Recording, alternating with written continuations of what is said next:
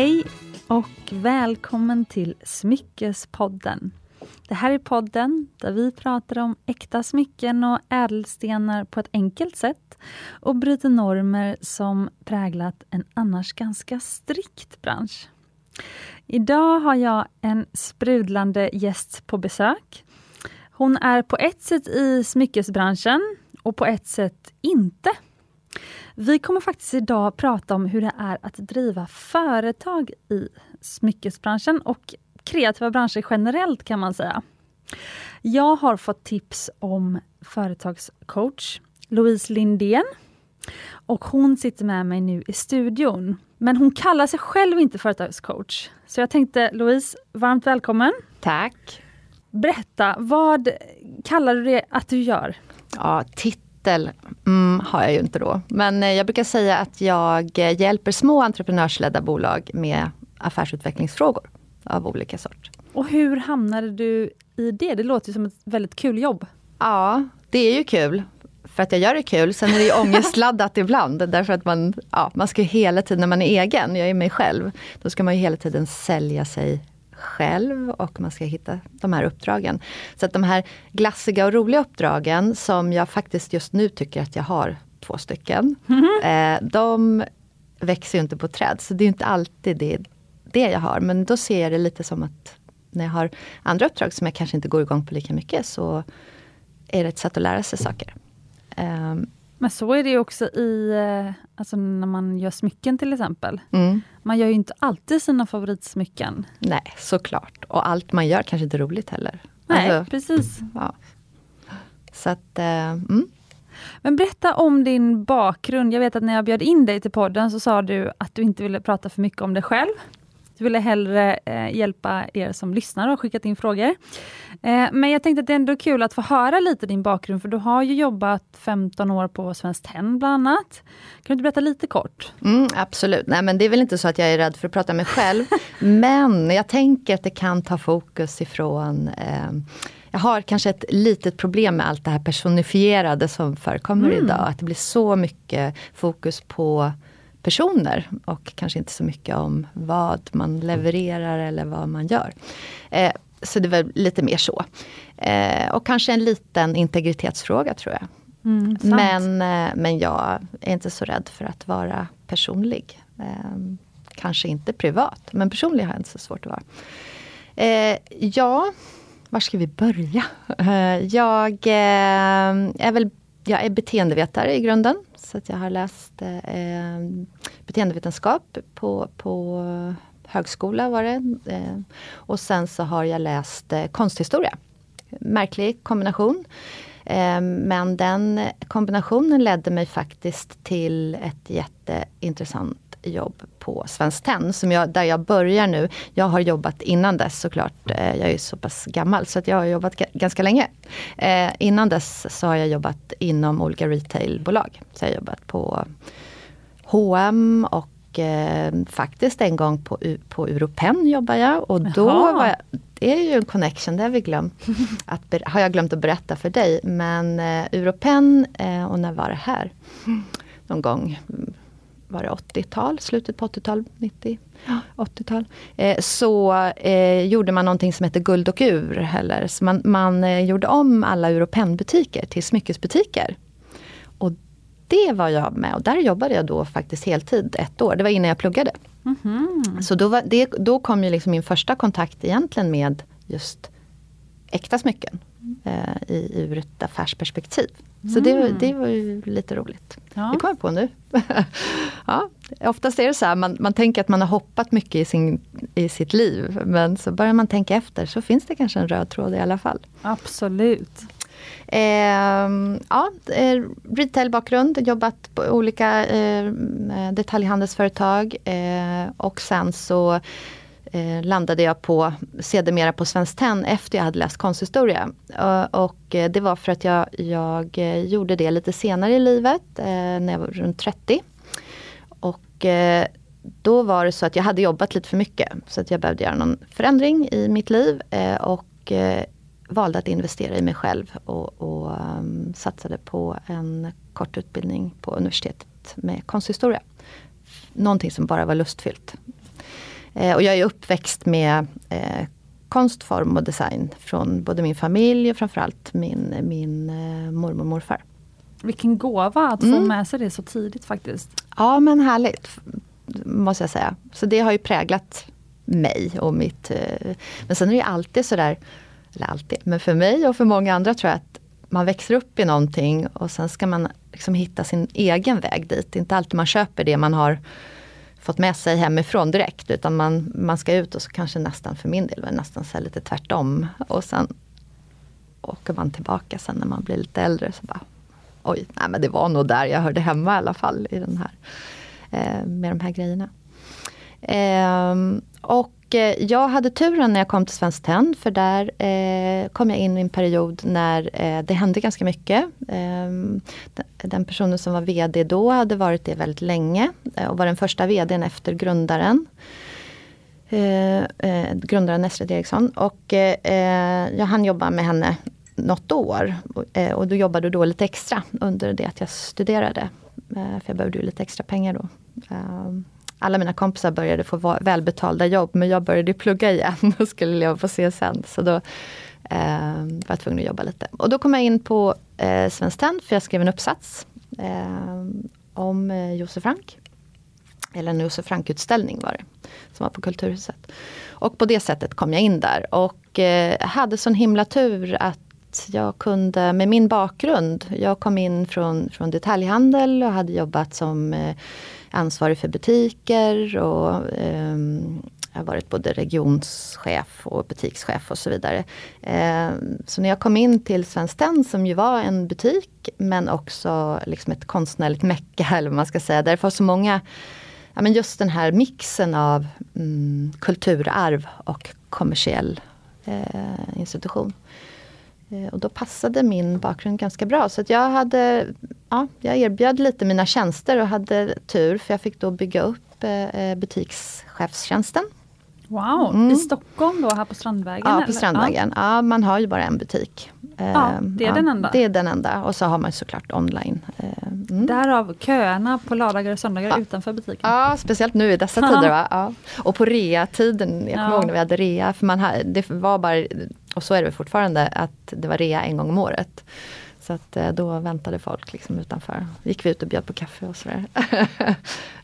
um, ja, nej men jag, då eh, jobbade jag som det och sen så fick jag eh, barn. Jag fick två barn eh, lite senare i livet kan man säga då. Och eh, emellan dem så hann jag bara in eh, helt kort och då jobbade jag lite med den försäljning som skedde externt. Och det var alltså, vi hade lite försäljning i London, Tokyo.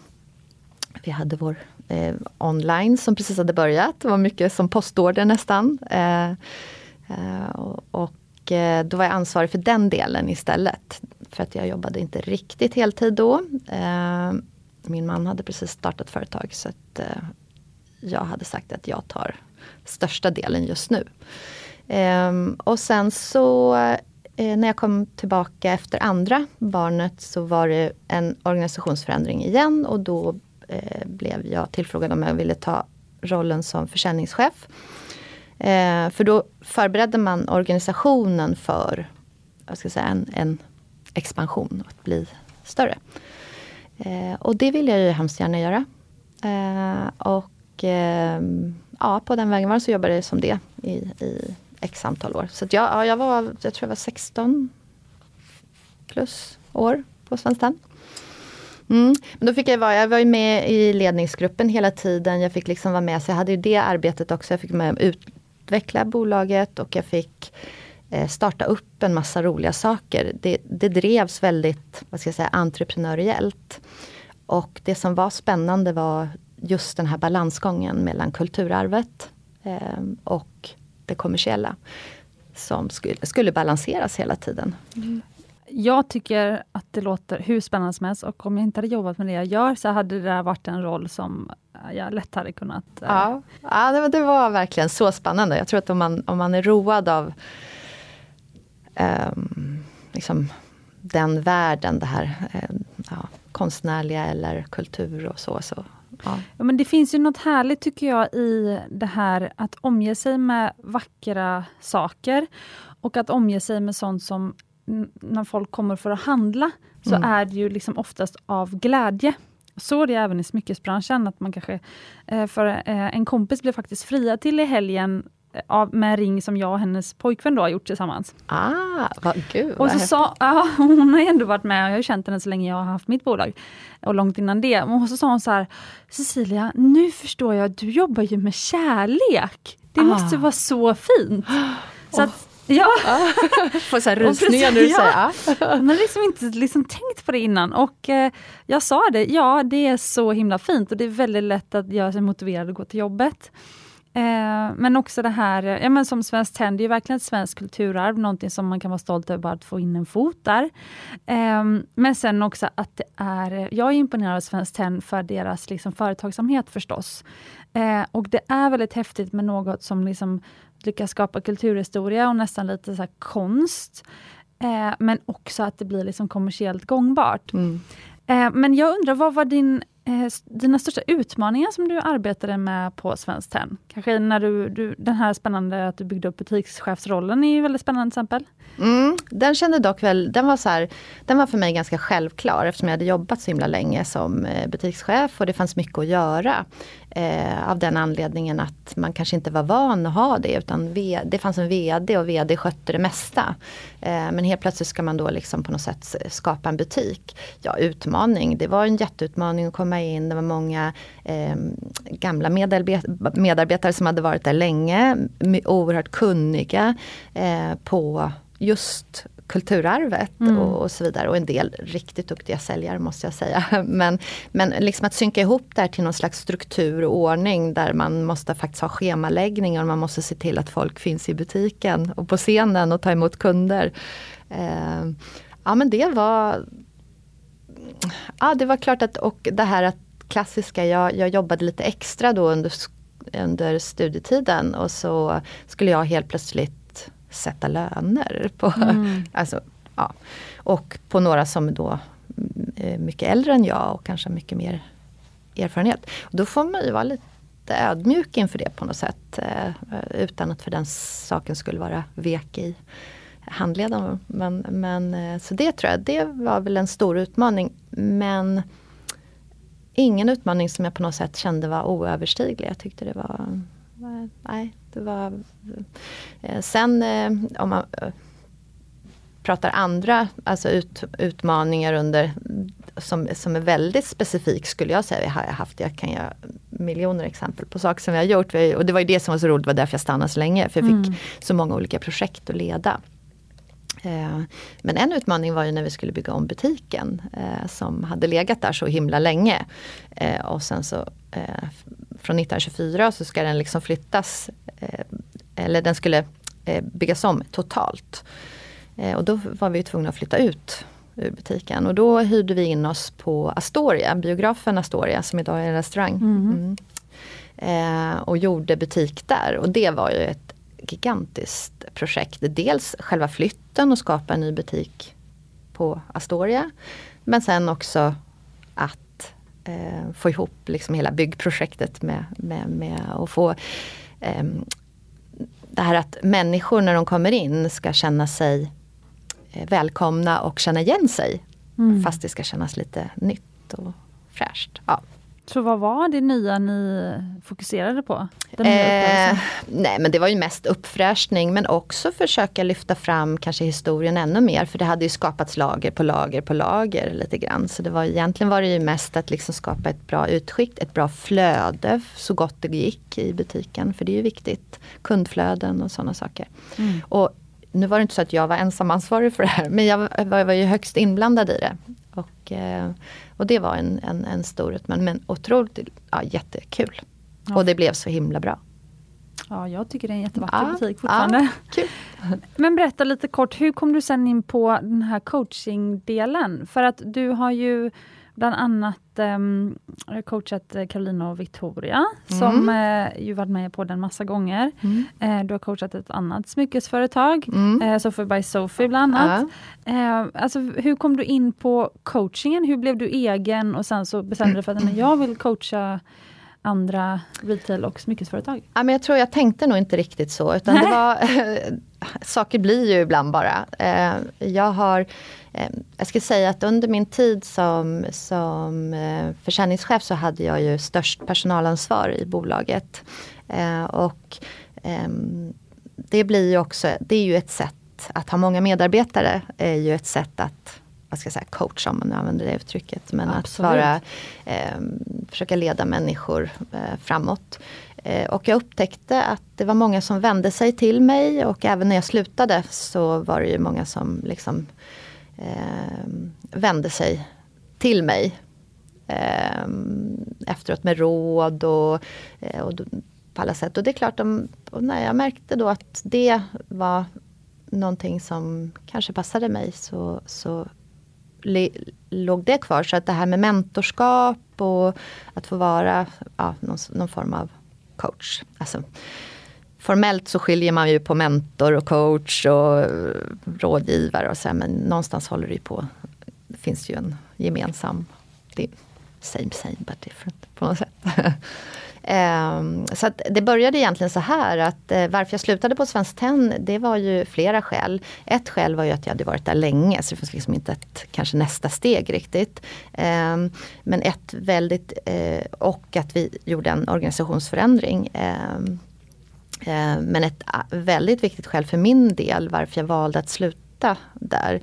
Eh, det var ju att vi, jag hade haft väldigt mycket i mitt liv kan man säga. Jag, jag träffade, på, på väldigt kort tid så träffade jag min nuvarande man. Eh, jag, vi skaffade två barn. Vi skaffade två hus. Vi drev en konsthall i det ena huset. Så när vi hade semester och var lediga så jobbade vi med den. Och, alltså det blev för mycket. Mm. Eh, och väldigt mycket då förändringar på jobbet. Alltså, ja, nej, men jag var tvungen att, att skala av och göra någonting annat. Eh, och, då kom, och så kom det väldigt naturligt av, eh, av massa olika skäl. Så det, men vad som hände då var att jag eh, blev erbjuden ett eh, uppdrag på halvtid. Att starta upp ett, Eh, eh, hjälpa några franchisetagare med ett, eh, ett fotogalleri eller galleriverksamhet. Så att, eh, då, och då hjälpte jag dem med att rekrytera team, att göra marknadsplan för de två första åren. Det här varumärket hade då inte funnits på den svenska marknaden. Eh, och eh, eh, ja, sätta igång det här galleriet kan man kalla det för. Men det var också butik. För att eh, syftet med det här var att eh, göra konst mer tillgängligt. Fotokonst mer tillgängligt. Eh, och det här, ja men det det kändes så himla... Jag hade startat ganska många nya affärsområden på Svenskt Tenn och fått prova. Det var väldigt generöst företag på det sättet. Att man kunde leva väldigt, eller vara väldigt mycket av en intraprenör kan man väl mm. säga eh, i, i bolaget. Och det var rätt, kom så naturligt då med det här nya uppdraget att få göra det. Ehm, och vi hade ju ett bolag, eh, jag och min man i, i det här konsthallen som vi hade och eh, när vi avvecklade det och, och så, så fanns bolaget där och då blev, då blev det naturligt. Eh, och så hade jag nog en längtan, jag hade varit så himla länge på samma ställe. Och det finns ju en tendens om man har varit länge, för mig i varje fall var det så att eh, till slut kan man bli så här, kan jag någonting? Mm. Eller är det bara i den här världen som, som jag le kan leverera? Eh, så det finns, fanns någon slags mening. Nu har jag hållit på i sju år. Och det kanske jag inte hade tänkt just då men, men eh, det finns en mening att hoppa runt till många olika bolag och få lära sig och se och testa det jag liksom har lärt mig, om det funkar i andra sammanhang. Framförallt så är det nog många som vill ta del av den kunskap som du fått. Det tycker jag är roligt. Ja, kanske. För ja. det tar ju ganska lång tid själv att få 16 års erfarenhet av eh, vad ska jag säga, lyxretail till exempel.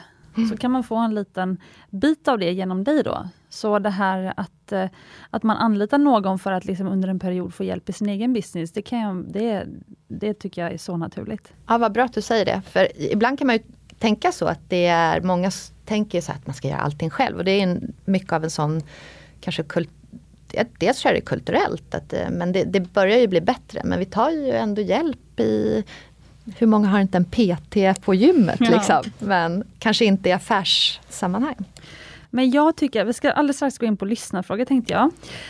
Um, för jag vill inte um, jag har några andra frågor sen på slutet som jag kanske kommer ställa till dig också. Men jag känner att eh, jag brukar alltid missbedöma när jag har en gäst hur mycket intressanta grejer vi kommer in på sen. eh, så jag vill dra igång lyssnarfrågorna snart så vi får eh, mycket tid för dem. Eh, men jag tycker att det här bara med eh, det här att ehm, inte ta in för mycket råd i början, det tycker jag är en bra grej. Alltså om man precis ska starta sitt eget då tror jag att det är viktigt att man får köp, göra på sitt sätt, även om det skulle vara fel sätt. Så är det viktigt att liksom göra på sitt sätt så det blir något unikt.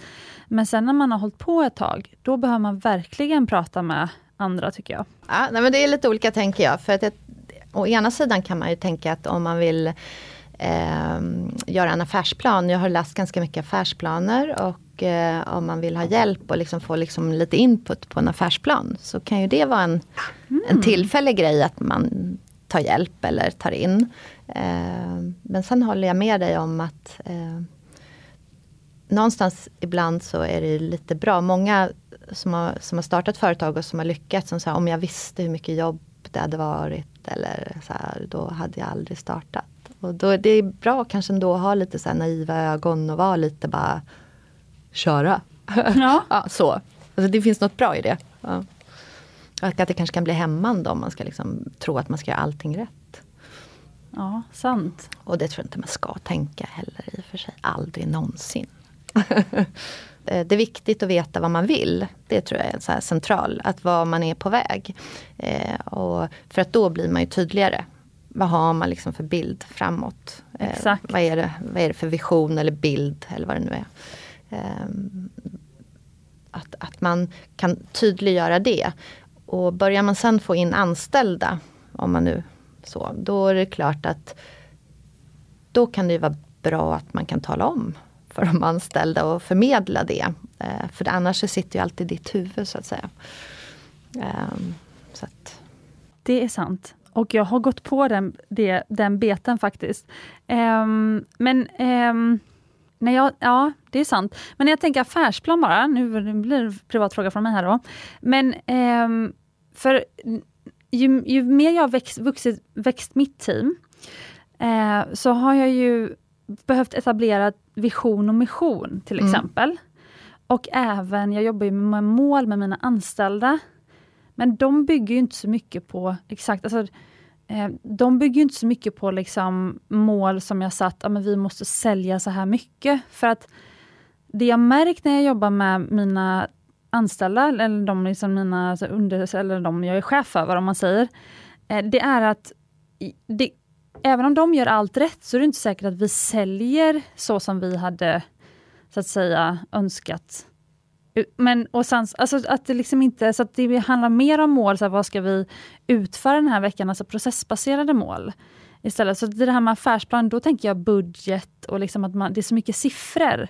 Och siffrorna tycker jag är svåra att, så här, även om vi gör allt rätt eller allt fel, så kan siffrorna gå upp eller ner nästan. För att det kanske inte alltid har att göra med exakt det vi gör, utan det kan vara marknaden eller att vi har ja, otur med någonting, jag vet inte.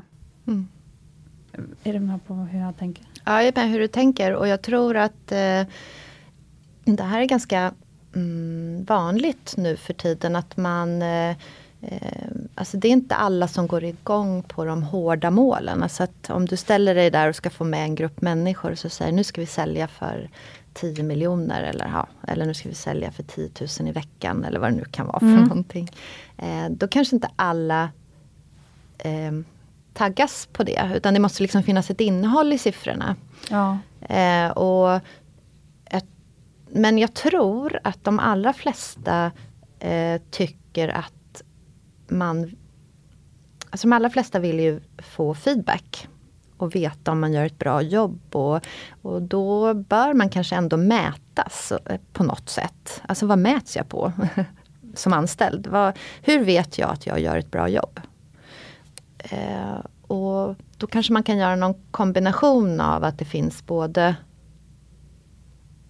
Alltså som, som en säljare, där är det svårt om det inte är, liksom, då är det ju sälj. Sen, sen är ju sälj så, så mycket annat idag än, än vad det kanske har varit någonsin. Alltså det, sälj och marknad har ju gått ihop så himla mycket. Så att idag eh, så, så kanske inte är det här liksom, och speciellt inte sån här typ av varor, där måste du liksom kratta manegen, du måste liksom eh, ha en god kundrelation, du måste ha mycket kunskap. Du, eh, vi säljer på känslor. Eh, du har ju föredömligt det här med hållbarhet och lyfter upp den delen. Eh, alltså det är så mycket andra parametrar. Det är inte bara ett, ett smycke eller ett, vad det nu är du säljer utan det är ju någonting mer. Det brukar jag ha som så här bild ibland. Alltså, här, sälj det här glaset. Mm. Men du får, inte ta, du får inte ta betalt för glaset. Hur ska du sälja det? Ja, du måste paketera det. Det här med paketeringen, vad är det runt omkring? Vad är det som gör att jag väljer just det här glaset? Um, och det kan ju vara allt ifrån att uh, ja, men det här är gjort utav, det är återvunnet eller det är um, som man pratar om i antikvärlden som Victoria, det är proveniens eller någon annan har haft det. Eller ja, du, ja, du fattar. Eller det är, det, det är, formen är från en italiensk greve. Ja, ja, ja. Nej, men, ja, alltså någonting mer. Eller du är, om du vi som är i den här communityn, vi använder det här glaset och i den här communityn gör vi det här och det här och det här. Ja, ja, ja det, nej, men det är ju varumärkesbyggande. Det är ju, det är ju varumärke. Eh, så att, eh, absolut. Men, men att det har ju blivit viktigare samtidigt som jag tror att människor idag också eh, liksom är mer ute efter kvalitet också. Alltså att det ska vara kvalitet. För det, det är ju en hållbarhetsgrej, att någonting kan hålla länge. Man liksom, Absolut. Ja, kan gå i arv eller man kan sälja det på andrahandsmarknaden. Absolut. Nu kanske vi svävade ut här. Nej, nej, nej, men det är superintressant. Mm. Eh, men det som eh, ändå är viktigt i det här, för det du pratar om är ju precis varumärkesbyggande och det är ju liksom grunden. Du säljer ju inte så mycket bara för att du lägger ut en bild på Instagram. Nej. Oftast. Kanske säljer något men du kommer inte sälja hundra liksom. Um, men, men det här det finns, så det, det, finns, det jag ändå tycker att man ska, uh, eller det som när um, Alltså sådana som kanske frågat mig, men hur, hur liksom startar man ett smyckesmärke till exempel? Um, alltså det, det handlar ju om att våga vara sifferfokuserad också och att inte tycka att det är jobbigt att sälja. Eller du får låtsas då att du tar på dig en säljhatt och säljer för någon annan. Även om det råkar vara dina smycken så får du liksom låtsas att det inte är dina. Eller sådär, så du liksom får ta på dig den rollen. Eh, men så som till exempel jag motiverar mina anställda till exempel och de som är säljare till exempel. Då, eh, jag eh, Sätt, eller vi, vi sätter inte mål baserat på hur många kunder de tar emot i veckan eller liksom eh, exakt vad de ska sälja den veckan. För det, kan inte, det har ju med marknadsavdelningen att göra också. Alltså hur bra jag sköter Instagram till exempel, hur bra jag är på det eller på att skriva nyhetsbrev och sånt. Men det som de bedöms på är kanske vad är deras average order value? Alltså av de smycken som de säljer, hur, liksom, vilket mm. liksom, pris, eh, genomsnittspris är det? Eh, och sen så också conversion rate, alltså av de kunder de får mm. in, eh, hur stor andel handlar? Mm. Så, så, så, den typen av eh, mål mm. gillar jag att sätta. Och det är också det jag håller med dig om, att man verkligen ska våga ha mål. För eh, Jag började faktiskt med det så sent som förra året, att sätta tydliga mål på mina kollegor. Och sen så när vi hade ja, men, så här, jul, eh, ja, årsavslutning eller så här, så pratade vi så här, jag, då hade jag one-to-one, så pratade med dem, så, ja, men, vad har varit bra under året och så. Och så sa ju alla enskilt, alltså jag hade ju enskilda samtal, så oberoende av varandra så bara, men de här veckomålen, det är så bra. Mm. Så det var ju så här, oj, då måste jag verkligen fortsätta mm. med det. Ja men för det, det finns ju någon, eh, någonting av att man vill man vill veta, alla vill, de allra flesta människor vill göra ett bra jobb. Mm. och då vill man veta, hur, hur gör jag ett, hur bedöms jag här? För, för man kan bedömas på olika sätt. Eh, och där är det ju viktigt, alltså, rent krasst är det ju så att du kan ju inte betala deras löner om inte du säljer. Och det är viktigt att kommunicera till dem också ja. Ja, för det, det, det är liksom så, så, så, det, därför får man inte liksom vara rädd heller för siffror och vara rädd. Men när det bara blir liksom, sälj för det här eller vad det nu kan vara. Då, ja, nej, då blir det igen Så jag, jag tycker det låter som du har så här föredömligt mål. Och just att de tänder själva på det. Och för oftast är det så att om man också kanske Jag menar du har ramverket och så kanske de själva kan vara med och sätta ja, sina mål som är mätbara. Men också att det finns andra mål som är mjukare. Mm. Det, det, det, tror jag är viktigt. Eh, så att eh, det finns andra dimensioner.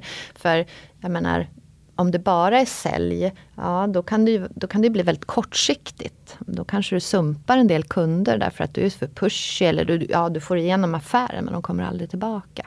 Så du vill ju bygga långa relationer. Man brukar ju prata om kundlivslängd och den, du vill gärna ha kunder som kommer åter. Det den, är helt sant. Och, och den här första som kanske köper en, en, någonting för, för, för 10 000. Ja, kanske inte du tycker är så mycket just i din värld. Men eh, om fem år så kanske den kommer och köper det där jätte high-end prylen för 100 000. Eller vad det nu kan vara. Mm. Och då, eh, så den relationen är ju superviktig. Eh, och då, då, då, är det mycket, då kommer man in på det här med bemötande och, och ja, sådana grejer och service och, och, så. Sant. Ja, bra. Nu hijackade jag lyssnarfrågorna. eh, men nu ska vi gå in på dem.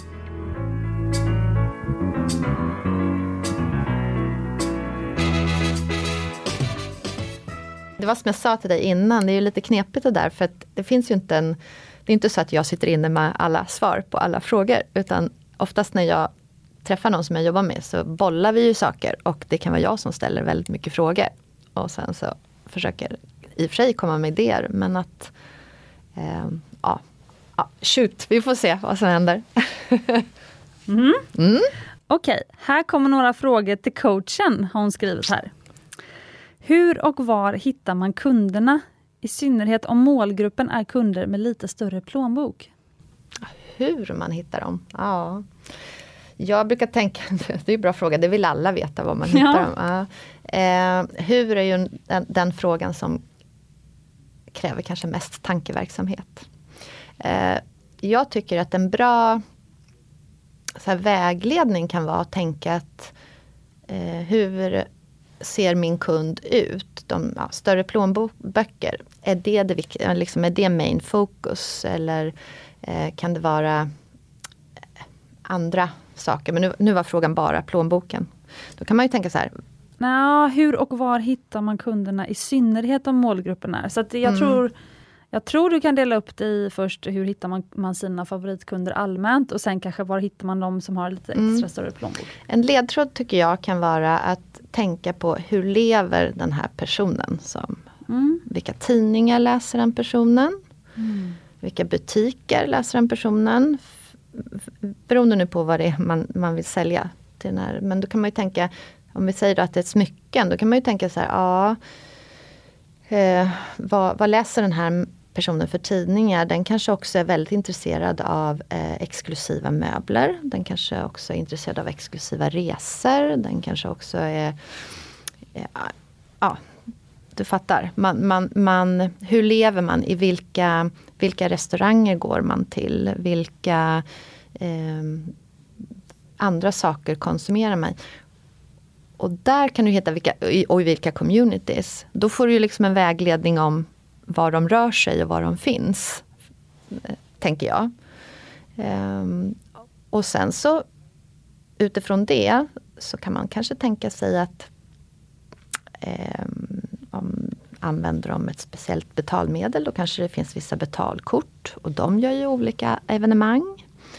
Ehm, de kanske har Eh, och då kan man nå kunder på det sättet att man samarbetar med ett betalkortsföretag kanske. Eh, om man nu ska vara liksom konkretisera lite. Mm. Eh, och Eh, kanske är det så att de har eh, de har väl för, då ett bankkonto eller ett bankkontor eller en, en personlig kanske rådgivare.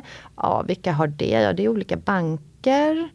Eh, kan de ha? Där har de ju oftast någon som har hand om kundevent och kund, medlemstidningar. medlemstidningar allt möjligt.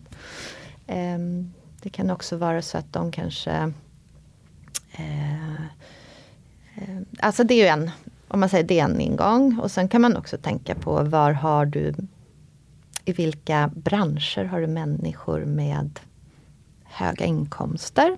Mm. Ja, dels har du ju förmögenheter men sen har du ju människor som kanske inte har några förmögenheter men de har väldigt höga löner och kan ha liksom, konsumtion tillgänglig. Alltså pengar tillgängliga för konsumtion.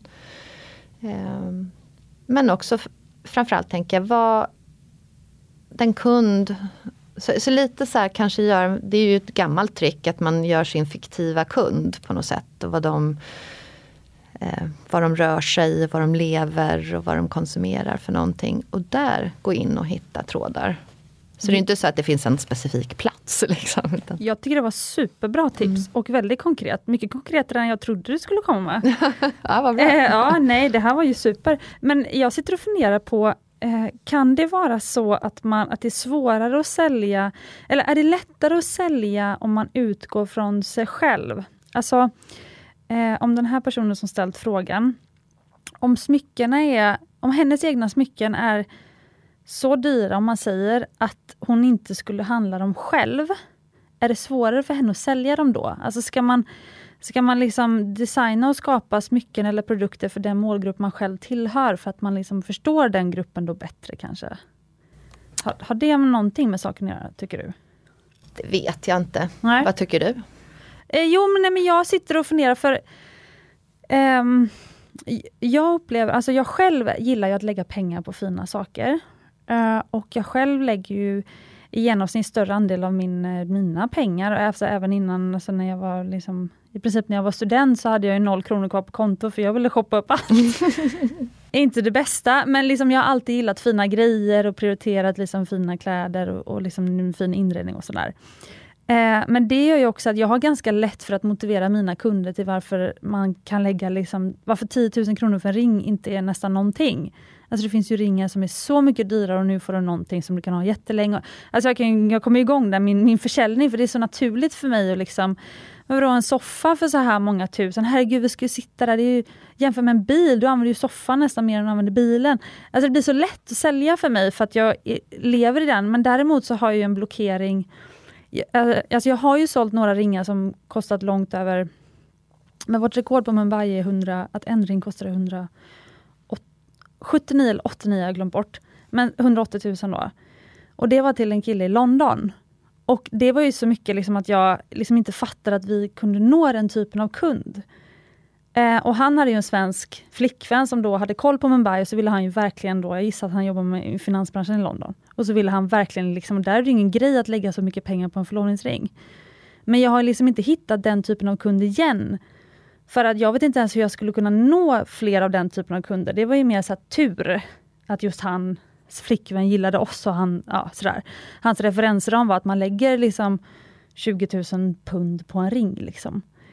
Eh, men jag hade nog haft väldigt svårt att sälja till den igen om jag inte själv så började tycka att det var helt normalt att lägga så mycket pengar på en ring. Eller nej. Eh, förstår du vad jag menar? Ja, men jag förstår. Men jag, jag, jag tänker att nej, jag tycker inte att man, äh, äh, att man måste jag har aldrig haft en förmögenhet att kunna köpa liksom, nej, nej, riktigt som... high exclusive. Eh, men jag har ju eh, jag har ett intresse.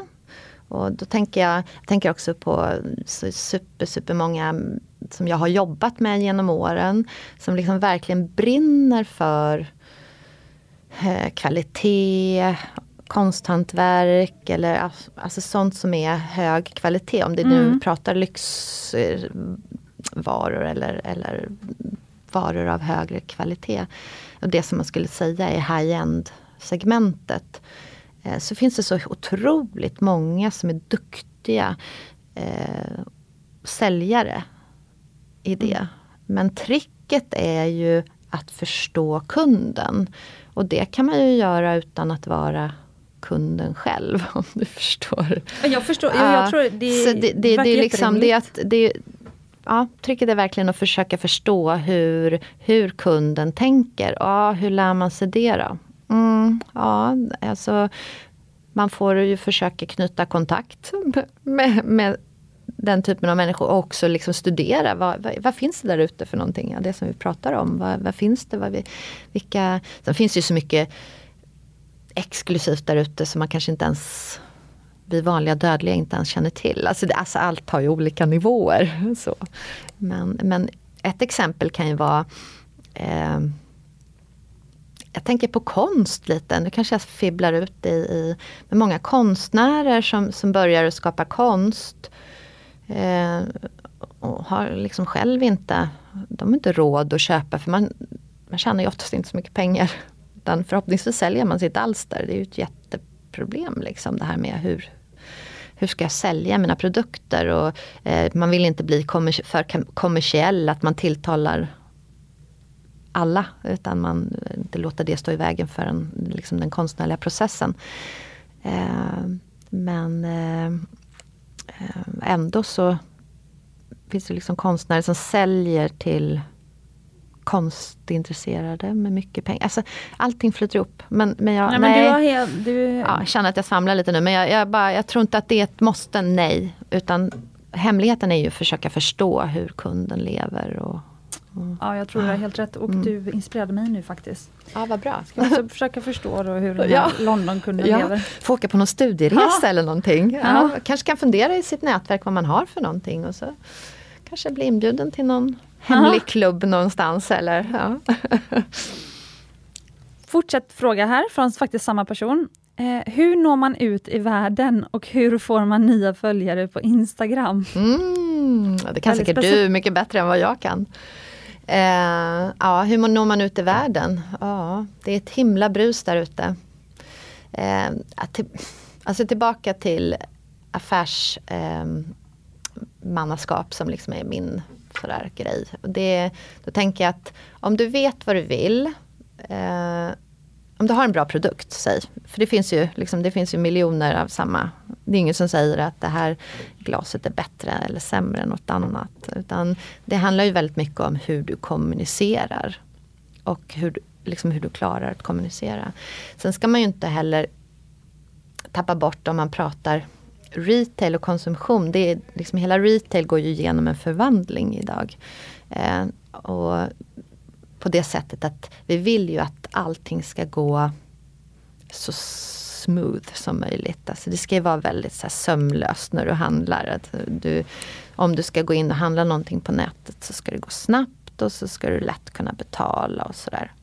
Och den enda gången du kanske blir förlåten att det är lite komplexare, det är ju om det är något enormt unikt. Eller något enormt exklusivt. Då kanske man är beredd att mer vänta.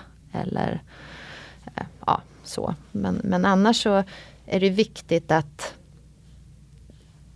att det är enkelt att få information. Det är enkelt att få produkten till sig. Eh, enkelt att betala. ja. Eh, jag vet inte riktigt, det var inte riktigt svar på den frågan men, men eh, det finns ju hundra svar på hur man når ut i världen. Så det, någonstans får man ju fundera över vad det är. Vad vill man? Vill man vara global direkt eller vill man börja med en marknad först för att sen gå ut? Vad är din rekommendation där?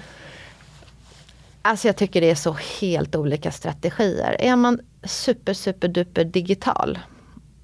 Alltså att man, är, man har en digital eh, eh, grund eh, och, kanske en, och framförallt en digital tjänst eller sådär, ja då kanske det är lättare att gå global direkt.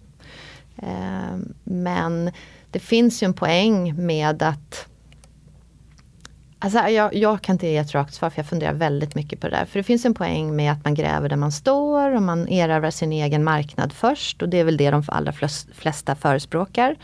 Så tar man nästa marknad och så tar man nästa. Samtidigt kan jag tycka att det är lite gammeldags på något sätt. Eh, därför att idag är ju världen, världen är global och eh, jag skulle säga att vi som storstadsbor kanske har mer gemensamt med andra storstadsbor ute i världen än vad vi har med vissa eh, eh, kanske vissa personer ute i, på landet Mm. i Sverige. Mm. Då pratar jag inte det svenska liksom, och det, hela den delen utan mer det här med vad vi tycker om för saker. Och där är ju, Sverige är ju en liten marknad. Mm. Eh, Och speciellt om du då är i en väldigt liksom, exklusivt segment. Då tror jag att då får det, liksom, det blir väldigt svårt. Och, om du bara ska vara i Sverige. Mm. Då får du nog... Så allting handlar ju också om hur snabbt du vill växa och vad du har att sätta in.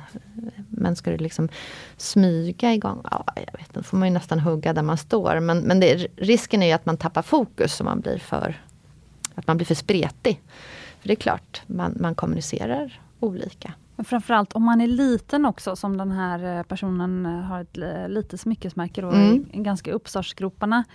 Då blir det ju också ännu viktigare att vara unik. Mm. För att de som väl ser dina prylar, alltså man behöver inte nå ut, att nå ut i världen. Alltså, det är ju ett väldigt stort krav. Eh, och man kanske inte kommer kunna hantera den produktionen heller. Vad gör om man får 100 ordrar på en dag? Man kommer inte kunna leverera och så kommer eh, businessen gå i graven av det. Eh, men det viktiga är ju att de som man faktiskt når ut till, de kanske 10 personer som går in på ens Instagramkonto per dag, Mm. att eh, minst en av dem ska känna så här, åh herregud, jag har aldrig sett ett smycke med en, eh, ett rävansikte på. Jag måste ha det. Mm. Så att eh, om man, bara, om man liksom ser till att fokusera på sina produkter och gör dem unika så att man verkligen så här, det spelar ingen roll om den personen bor i Tyskland eller Norge eller USA eller så här, för den kommer till varje pris bara vilja handla det där rävansiktet. Liksom. Mm. Ehm, så det kanske jag skulle känna. Men, men jag kommer ihåg när jag gick på Handels, då lärde vi oss om hm strategi faktiskt. H&M som du jobbat på. Ehm, och då var ju strategin där att till exempel när man gick in i Tyskland, då öppnade man liksom först kanske en butik i München, sen två butiker i München, sen tre butiker i München. Alltså, och gärna inom samma, inte kvarter, men liksom, eh, liksom samma område. Så att de som boende i München skulle vara så här, ah, där är en H&M, ah, där är också en H&M. Och så blir det så här, ah, när jag ska handla strumpbyxor, ah, men just det här H&M, då ska jag gå in på H&M. Och sen expanderar man till nästa stad. Sen gick man in i ja, Frankfurt och så öppnade man flera butiker där.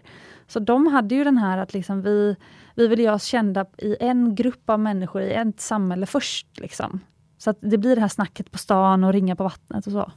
Men jag tror också det och det, är väl, det kan man nästan överföra till det här med, med eh, marknadsföring överlag och inte minst Instagram. Att man själv kan ju bli så här helt, om man ska marknadsföra sitt varumärke, så bara, ah, ska vi köra den här igen? Ska jag visa upp den här grejen igen? Mm. Alltså jag tycker, det händer ju ingenting på mitt Instagram liksom, eller det ja, händer ingenting. Men alltså vi måste ju repetera Ja.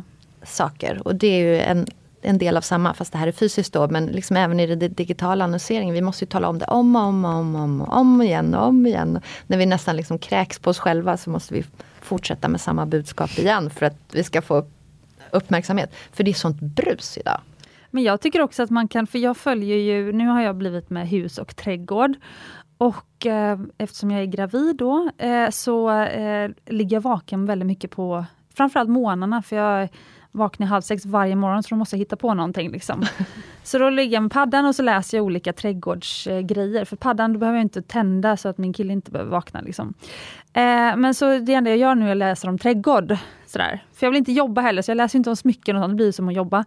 Eh, så, sådär. så trädgård är mitt nya intresse. Men väl, väldigt många Instagramkonton på trädgård, de är väldigt duktiga på att göra såna här eh, shoutouts eller vad det heter. När man delar ett konto från en annan trädgårdskonto, säger man så här, åh jag hittade precis eh, Emmas rum. Ja, jag bara hittar på det kontot. Och hon har en så fin köksträdgård, så här, och börjar följa henne. så här. Och, så, alltså, och de tillsammans liksom växer varandras konton. Och då tänker jag så här, ha, men jag följer redan ett jättebra trädgårdskonto, jag behöver inte följa den också. Men sen kanske jag liksom får nys om den här Emmas rum på något annat sätt och så bara, då vill man följa alla i den här communityn. Så om man liksom har, hon kanske har, den här tjejen kanske på Instagram redan har ett litet community eller någon som hon gillar att följa eller sådär.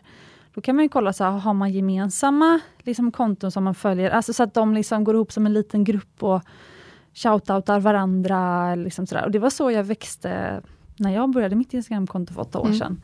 Då var det jag och Caroline Järpe Jewelry som eh, taggade varandra och sen hade en tävling ihop och sådär. Mm. Då kan man tycka, men två smyckesmärken, konkurrerar inte de?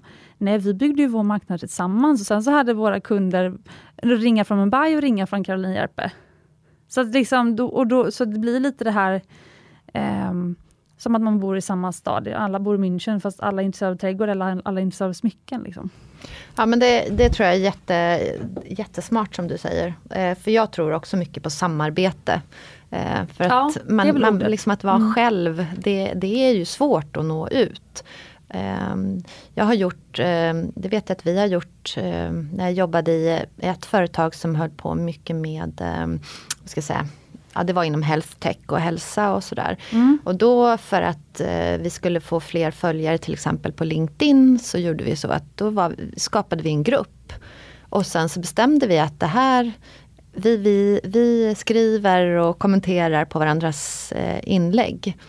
Mm. Och lite det här för att eh, för det är ju så, algoritmerna är ju, och de ändras ju hela tiden. Så där, och det finns ja, säkert de som, kan de där ja, algoritmerna? Det, det är liksom, man hör ju olika hela ja, tiden ja, och så ändras det.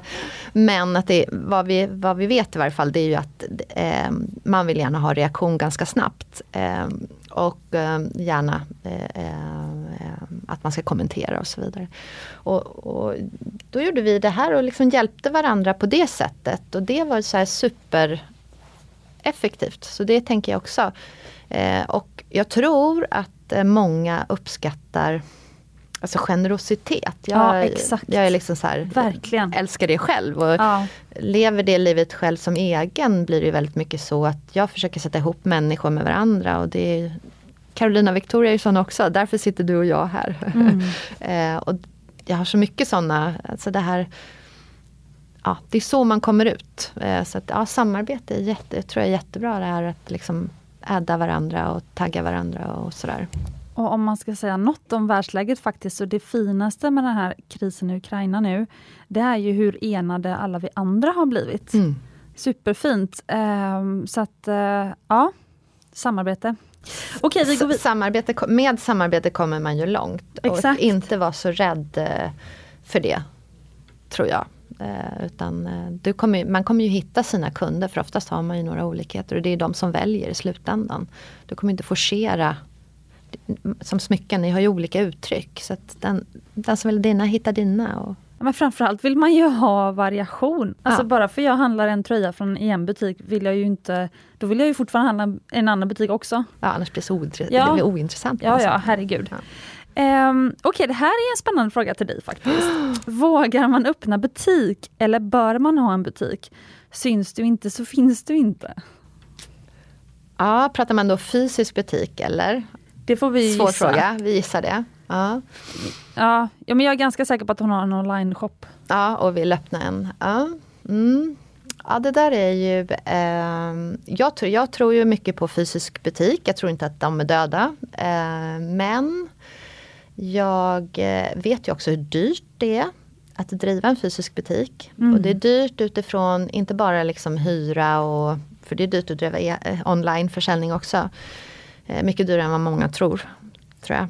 Eh, och, men att det är inte bara hyra och så, du, du har personal eh, som du måste, eller så måste du själv stå i butiken. Alltså du blir låst. Mm. Det, eh, så att eh, ur, ur, den, det ska man liksom, måste man ha med. Men sen tror jag att det är ju en, hittar man rätt läge och eh, ehm, kan göra den här butiken spännande som en upplevelse att liksom gå in i. Eh, då tror jag, och liksom lite annorlunda, att man känner att man får någonting, man blir inspirerad när man kommer in där. Eh, och har eh, inspirerande personer som är där. Som liksom, för det är ju det personliga mötet, det, det, är ju oslagbart. Det går ju liksom inte att, att täcka upp för. Du kan göra hur bra hemsida eller bra service som helst. Men du, det personliga mötet är ju, är ju unikt. Alltså ettor och nollor kan vi alla kopiera men vi kan liksom än så länge inte kopiera människor. Eh, men får, har man liksom, så det beror lite på var man befinner sig. Men, men har man den möjligheten så tror jag ju att det är en oslagbar eh, marknadsplats.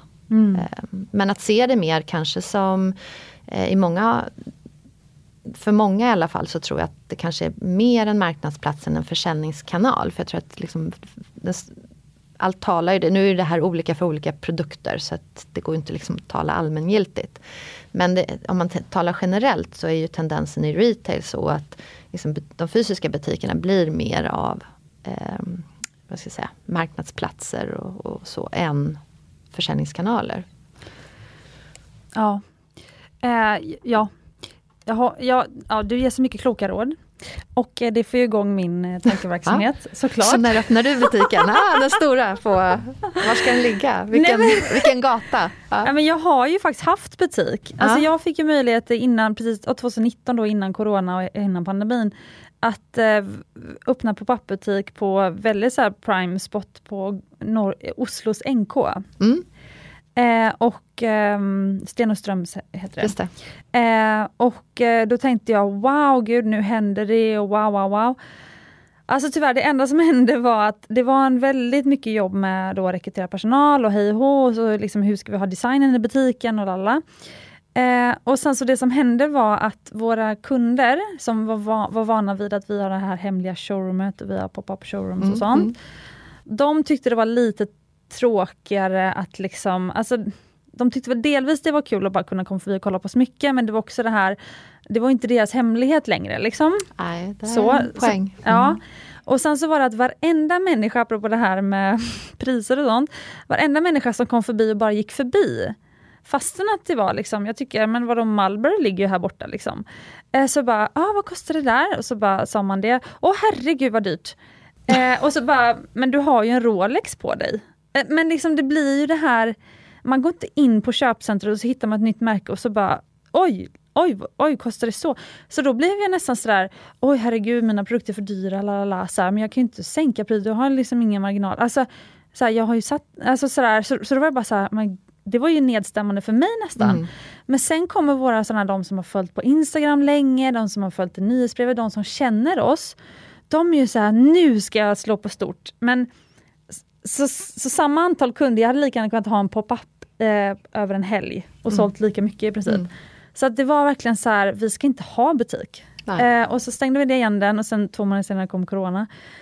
Eh, men så det var verkligen, så, så, det, så, så det jag tänkte till henne nu när du satt och pratade också, det var det här, bör man ha butik? Svaret på frågan. Eller, eller alltså, eh, det jag tänkte då var att så här, men vad vill du, vad saknar du att ge till dina kunder just nu?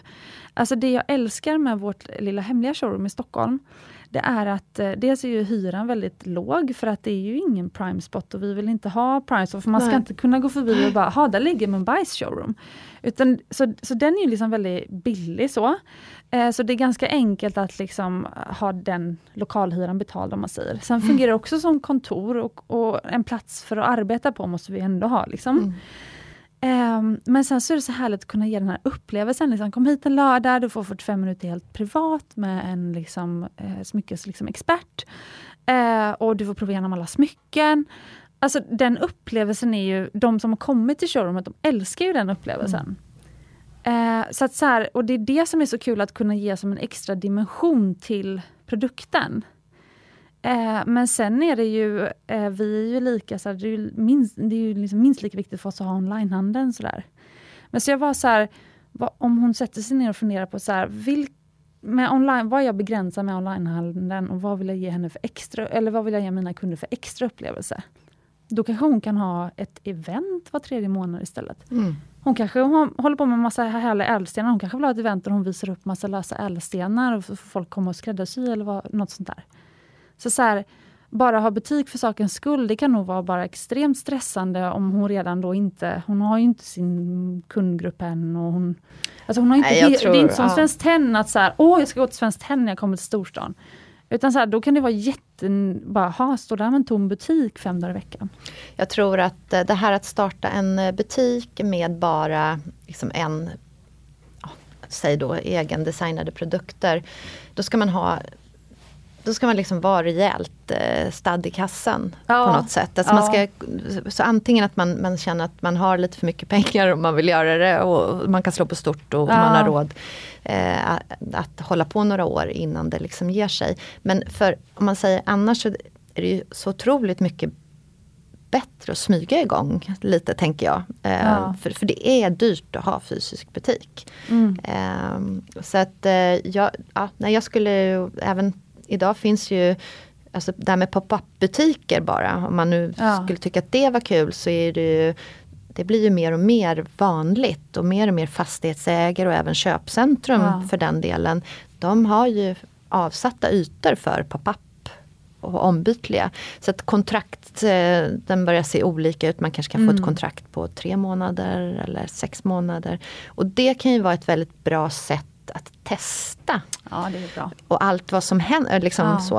Eh, Men jag är lite på, inne på din linje att jag skulle hellre liksom, om man är väldigt tidig och kanske en, liksom ändå måste få ihop sina man kanske inte plockar ut lönen i sitt Nej. bolag men man måste ändå få ihop break-even Ja. på något sätt. Eh, eh, vilket är eh, nog tufft. Eh, man får sälja ganska många grejer för att få ihop liksom, för, för vad det kostar varje månad. Mm. Och då ännu en aspekt som du pratar köpcentrum som man inte får glömma. Det är att man oftast är med i en företagarförening som har bestämda öppettider. Du får alltså inte bestämma själv när du vill ha öppet. Nej.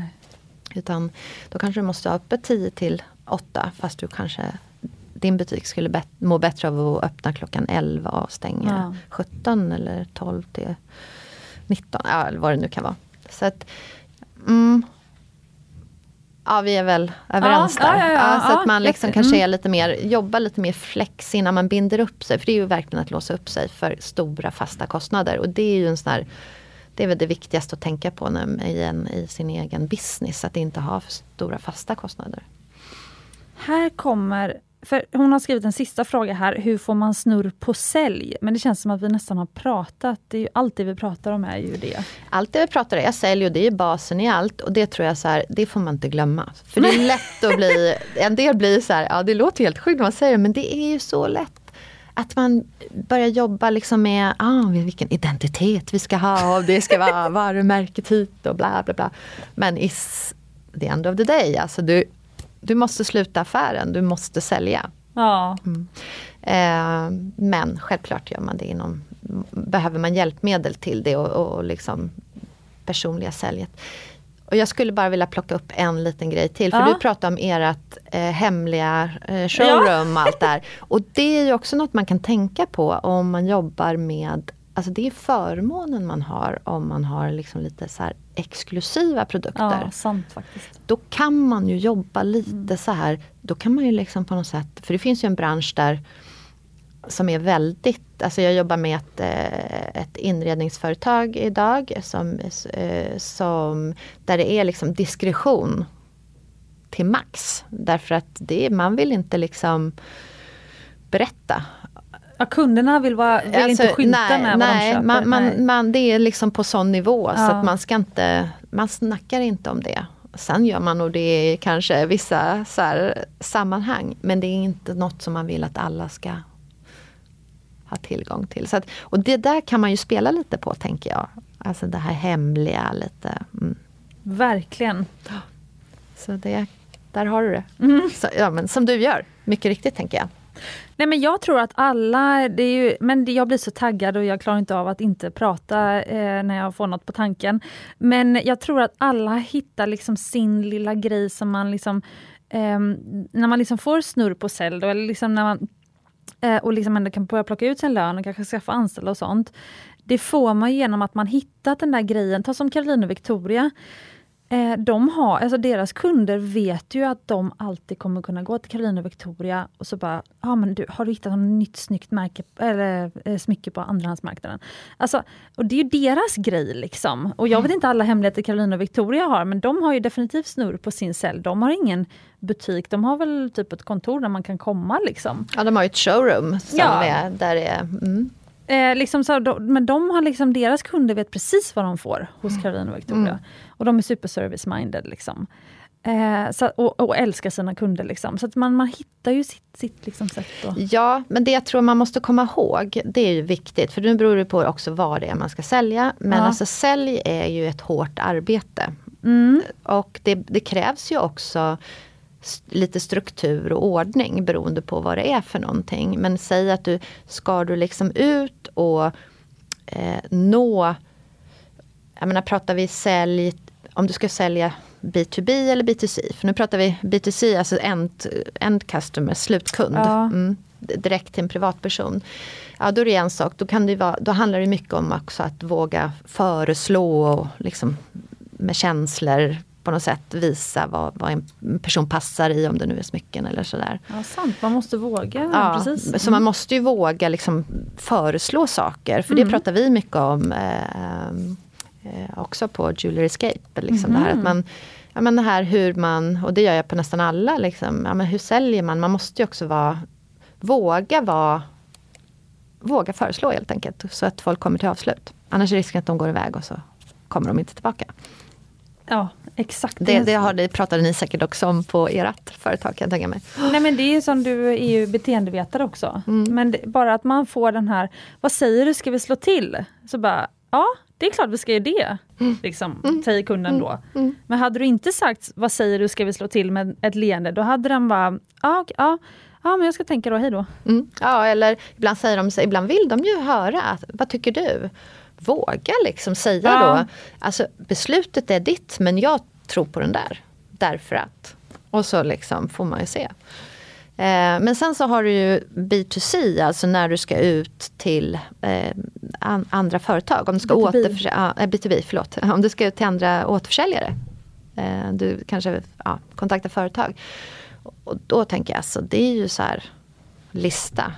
100 företag och så bara beta av liksom. Mm. Och har du 100 företag så kanske du får in, om du är skicklig så kanske du får in fem. Ja, men alltså det är ju, Mm.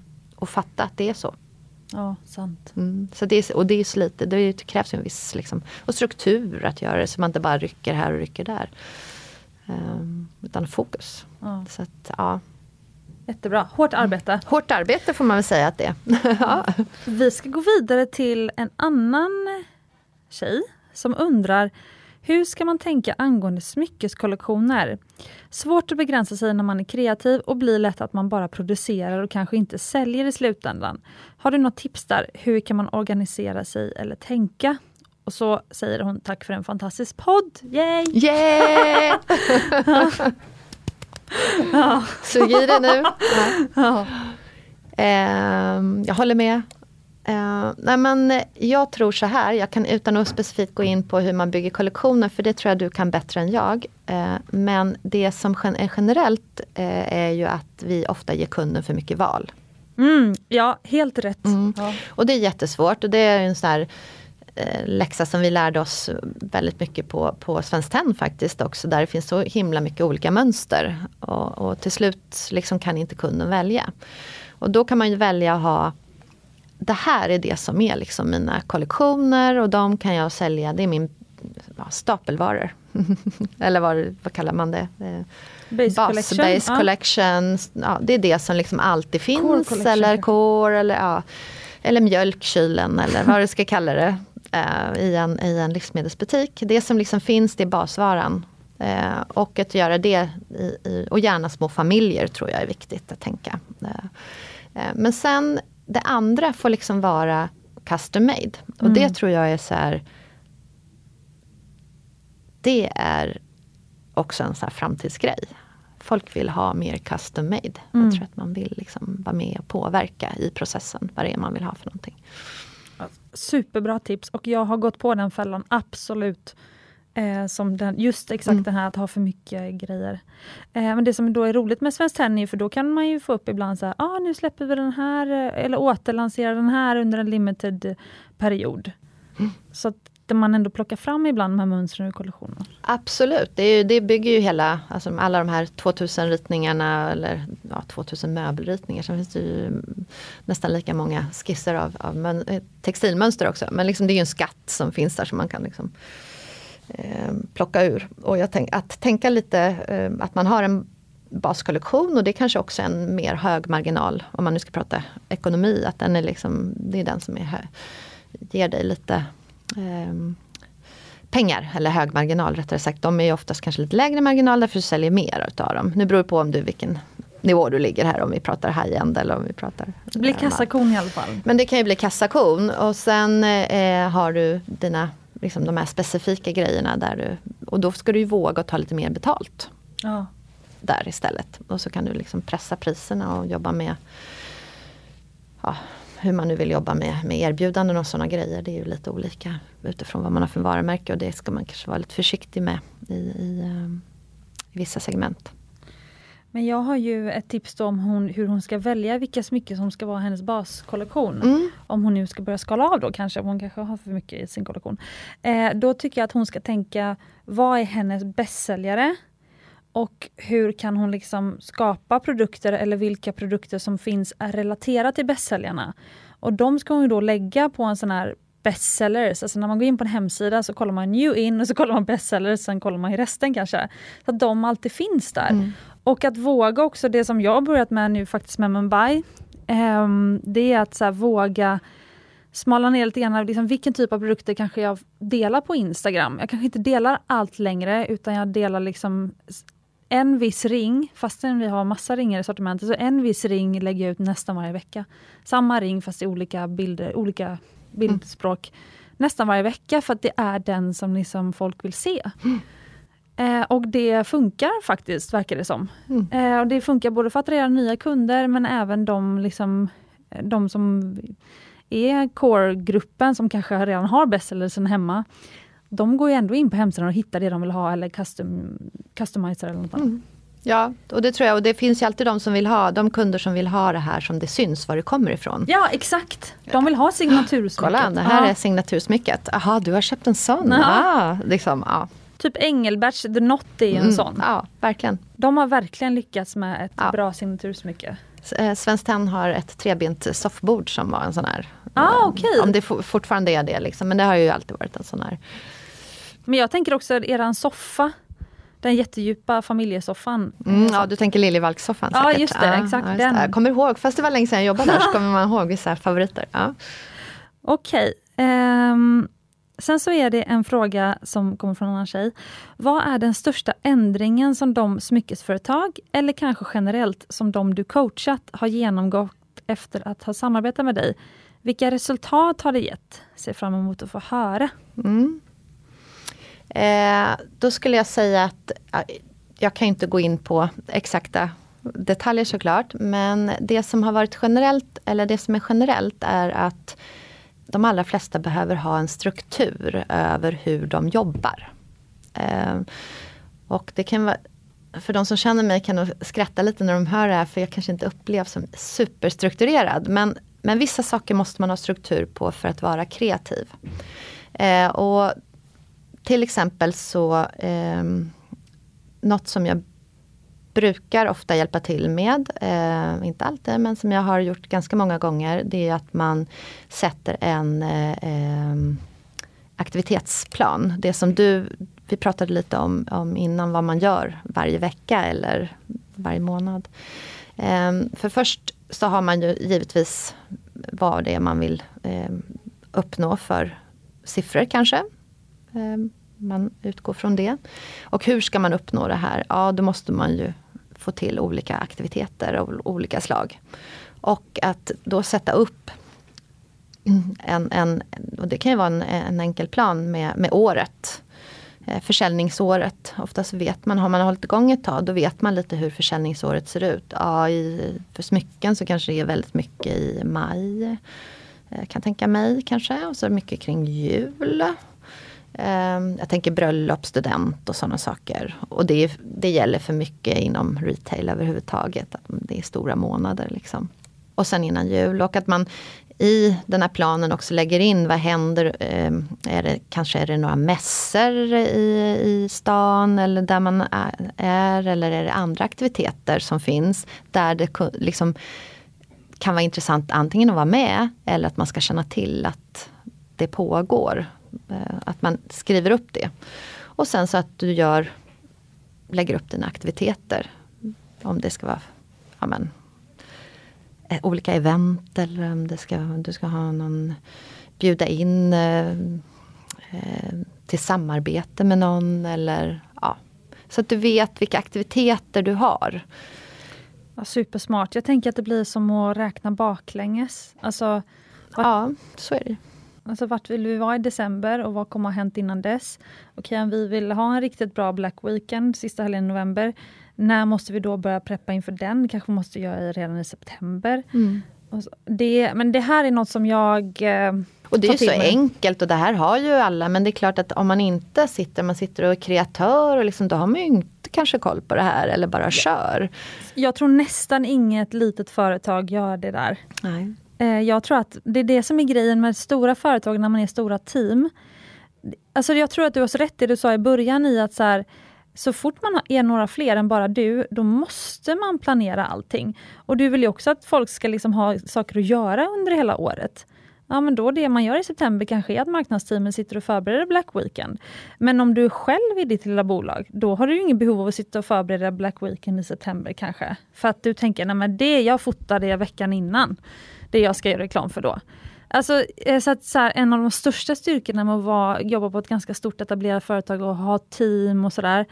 Jag tror det är att du tvingas planera och med planering kommer typ framgång helt ärligt.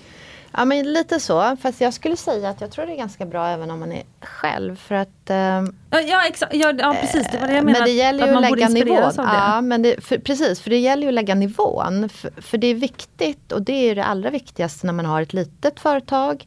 Är ju att inte man får en massa skrivbordsprodukter som ligger i lådan. Alltså, man kan ju ha hur mycket planer och tjosan och hejsan som helst och så hamnar det bara i byrålådan.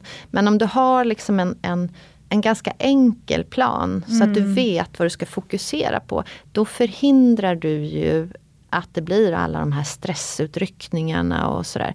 De kommer komma ändå. Så det är viktigt att ha lite luft i sin agenda också. Det är ju Jättebra tips. Som det gäller allt att liksom lägga så att man inte fullsmockar varje vecka utan att det finns lite luft för oförutsedda händelser. Ja.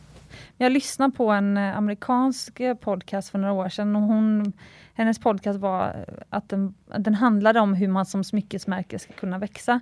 Och så sa hon så här, om du vill ha en uh, six figure business då, alltså det är väl att, uh, sälja mm. en miljon? Nej det är sju figures. Ja, en, en miljon, ja, six figure. Ja, ja men det blir det? som ja. 100 000 dollar, det blir en ja, miljon svenska en miljon då kan svenska, man säga. Ja, mm. ja, så om man vill sälja för en miljon om, om, du, if, if, liksom om det är ditt mål så ska du tänka så här, okej okay, men vad, vad, vad gör man, de som säljer för en miljon, vad gör de då? Eh, jo men det kanske är då att de, de har en jul, eh, eh, eller liksom julkampanj. De har, någon, de har kanske vigselringar framförallt på våren. De, alltså de gör de här grejerna och de har ett nyhetsbrev kanske. De har liksom sådär. Så då ska man titta så här, okej okay, men har jag det då? jag kanske säljer inte alls six figures nu, men liksom, vad har jag då? Nej, jag har inte de här grejerna. Okej, men börja bocka av då och skaffa dig ett nyhetsbrev. Starta en kampanj för julen eller Black Weekend. Eh, gör en liten kollektion med tre stycken vigselringar.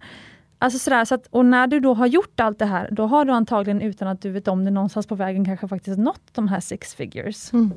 Så det blir lite grann mm, det ja, du pratar om. Jättebra, jättebra tips ju.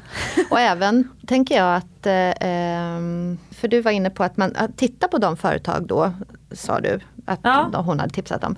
Och då tänker jag också att man behöver inte alltid titta på företag i samma bransch. Utan det allra coolaste kan ju ja. vara att titta på företag i andra branscher. Mm, och inspireras av det. För då tror jag då, ofta då får man liksom lite innovation in i, i, i bolaget. Att, ja eh, men gud, vi kanske kan mm, Jag vet att vi, hade, vi pratade mycket om, jag sa alltid åt eh, eh, några i mitt team att de skulle gå på IKEA och kolla hur deras eh, liksom, köprunda såg ut. Sen bara, ah, IKEA! liksom.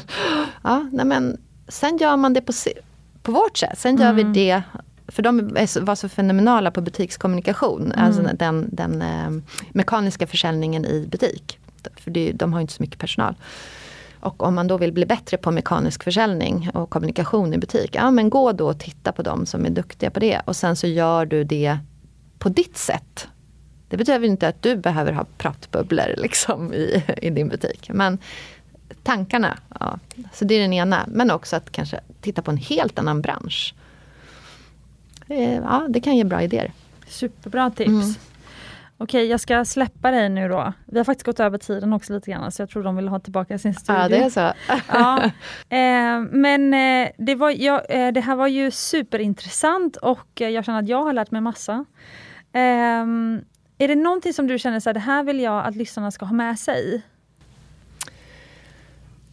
Jag vet inte vad det skulle vara. Kanske det här att, eh, att våga och, och, att när man är lit, ett litet företag så är det viktigt att det är såklart viktigt att planera men det är väldigt viktigt att ha liksom, full gas på att göra. Eh, det finns ju en, det kan bli sådär att man tror att man ska göra allting perfekt och så innan man kan göra någonting. Men låt det bli perfekt under resans gång. Alltså, kör! Superbra. Ja, för att annars är det risk att man liksom bara, det kommer aldrig bli tillräckligt bra. Nej. Och den fällan vill man inte hamna i. Det går liksom inte, då kommer man inte vidare. Våga lite liksom. Superbra. Jag tänker att du ska få svara på en av mina frågor som jag brukar ställa dem som är i podden. Mm -hmm. eh, jag tänker att du ska berätta om en person i branschen som inspirerar dig. Det kunde du ha förberett mig på. Vem ska jag säga? Ja, du tänker i vilken bransch? Tänker jag du? tänkte smyckesbranschen då. Mm -hmm. Och jag är, jag är så svår med att säga en person. Eh, därför att jag har så otroligt många som inspirerar mig. Och det gäller allting. Du vet, kan du säga din bästa låt? Kan du säga din bästa... Alltså jag, jag kan då inte. Får man sånt. fuska och säga flera. Ja, jag kan inte göra det. Men om jag nu måste då säga, då får jag väl lyfta Jewelry Escape och, och Carolina Victoria. Nu har ju de mm. varit här mycket men de tycker jag är så härliga och eh, generösa tjejer. Mm. Så på så sätt så inspirerar de mig eh, väldigt mycket. Eh, och vi inspirerar varandra tror jag. Och det är så kul. Mm. Eh, det blir härligt på något sätt. Ehm, för jag, jag kan inte, men jag, jag blir liksom inspirerad. Jag blir väldigt inspirerad av att gå på olika eh, auktionsverk och tittar i den branschen och på hela och mycket konst såklart. Mm, tycker jag är viktigt. Ja, nej, jag kan inte säga någon särskild person. Om du hade förberett mig så hade jag kunnat liksom så här, tänkt ut någon jag tror många av oss inspireras. Coolis, men... ja, jag tror många av oss inspireras av Karolina och Victoria. Ja men det är bra. Ja, ja. men de är bra. De är bra. Och de som de är genuina. Ja. Och de som lyssnar nu som känner så här, men dig vill jag komma i kontakt med. Mm. Hur gör man det då? Ja, hur gör man det? Eh, man kan mejla mig. Mm. Eh, då gör man det på lollo för det är mitt smeknamn, Lollo, eh, at louiselinden.se. Mm. Mm. Eller så, ja, jag finns ju på Instagram fast jag jobbar inte så bra på det som du gör. så att, men där finns jag, Linden Lollo hittar jag det. Härligt, jag ska tagga dig där ja, också. Ja, vad bra. Ja, jättekul. Jag hoppas att du som lyssnar och du som ställer frågor att eh, ni har fått svar på era frågor och eh, ni som inte ställer frågor men som bara lyssnar på det här avsnittet att ni tyckte att det var inspirerande och kul. Eh, jag tycker det var superspännande att ha Louise här i podden och det var väldigt kul att så här, ha någon lite utanför smyckesbranschen som liksom kommer in och har liksom andra typer av ögon. Eh, jättekul. Och eh, Ja, det är det jag vill säga. Som älskar smycken också. Så jag, ja, det liksom, jag gillar ju det. Ja, ja. Och det är alltid lättare då. Mm. Ja, precis. Mm. Ja, nej, men stort tack för att du tog dig tid att komma hit. Ja, och, så, och sen kan vi säga så här att om det var någon av dem som ställde frågor och inte fick riktigt svar så kan de ju alltid höra av sig så kan vi ja. försöka svara bättre. Mm. Ja, och med det så önskar både jag och Louise er alla en superhärlig dag. Och glöm inte att ni är värda äkta smycken, ädelstenar och att ha ett framgångsrikt företag.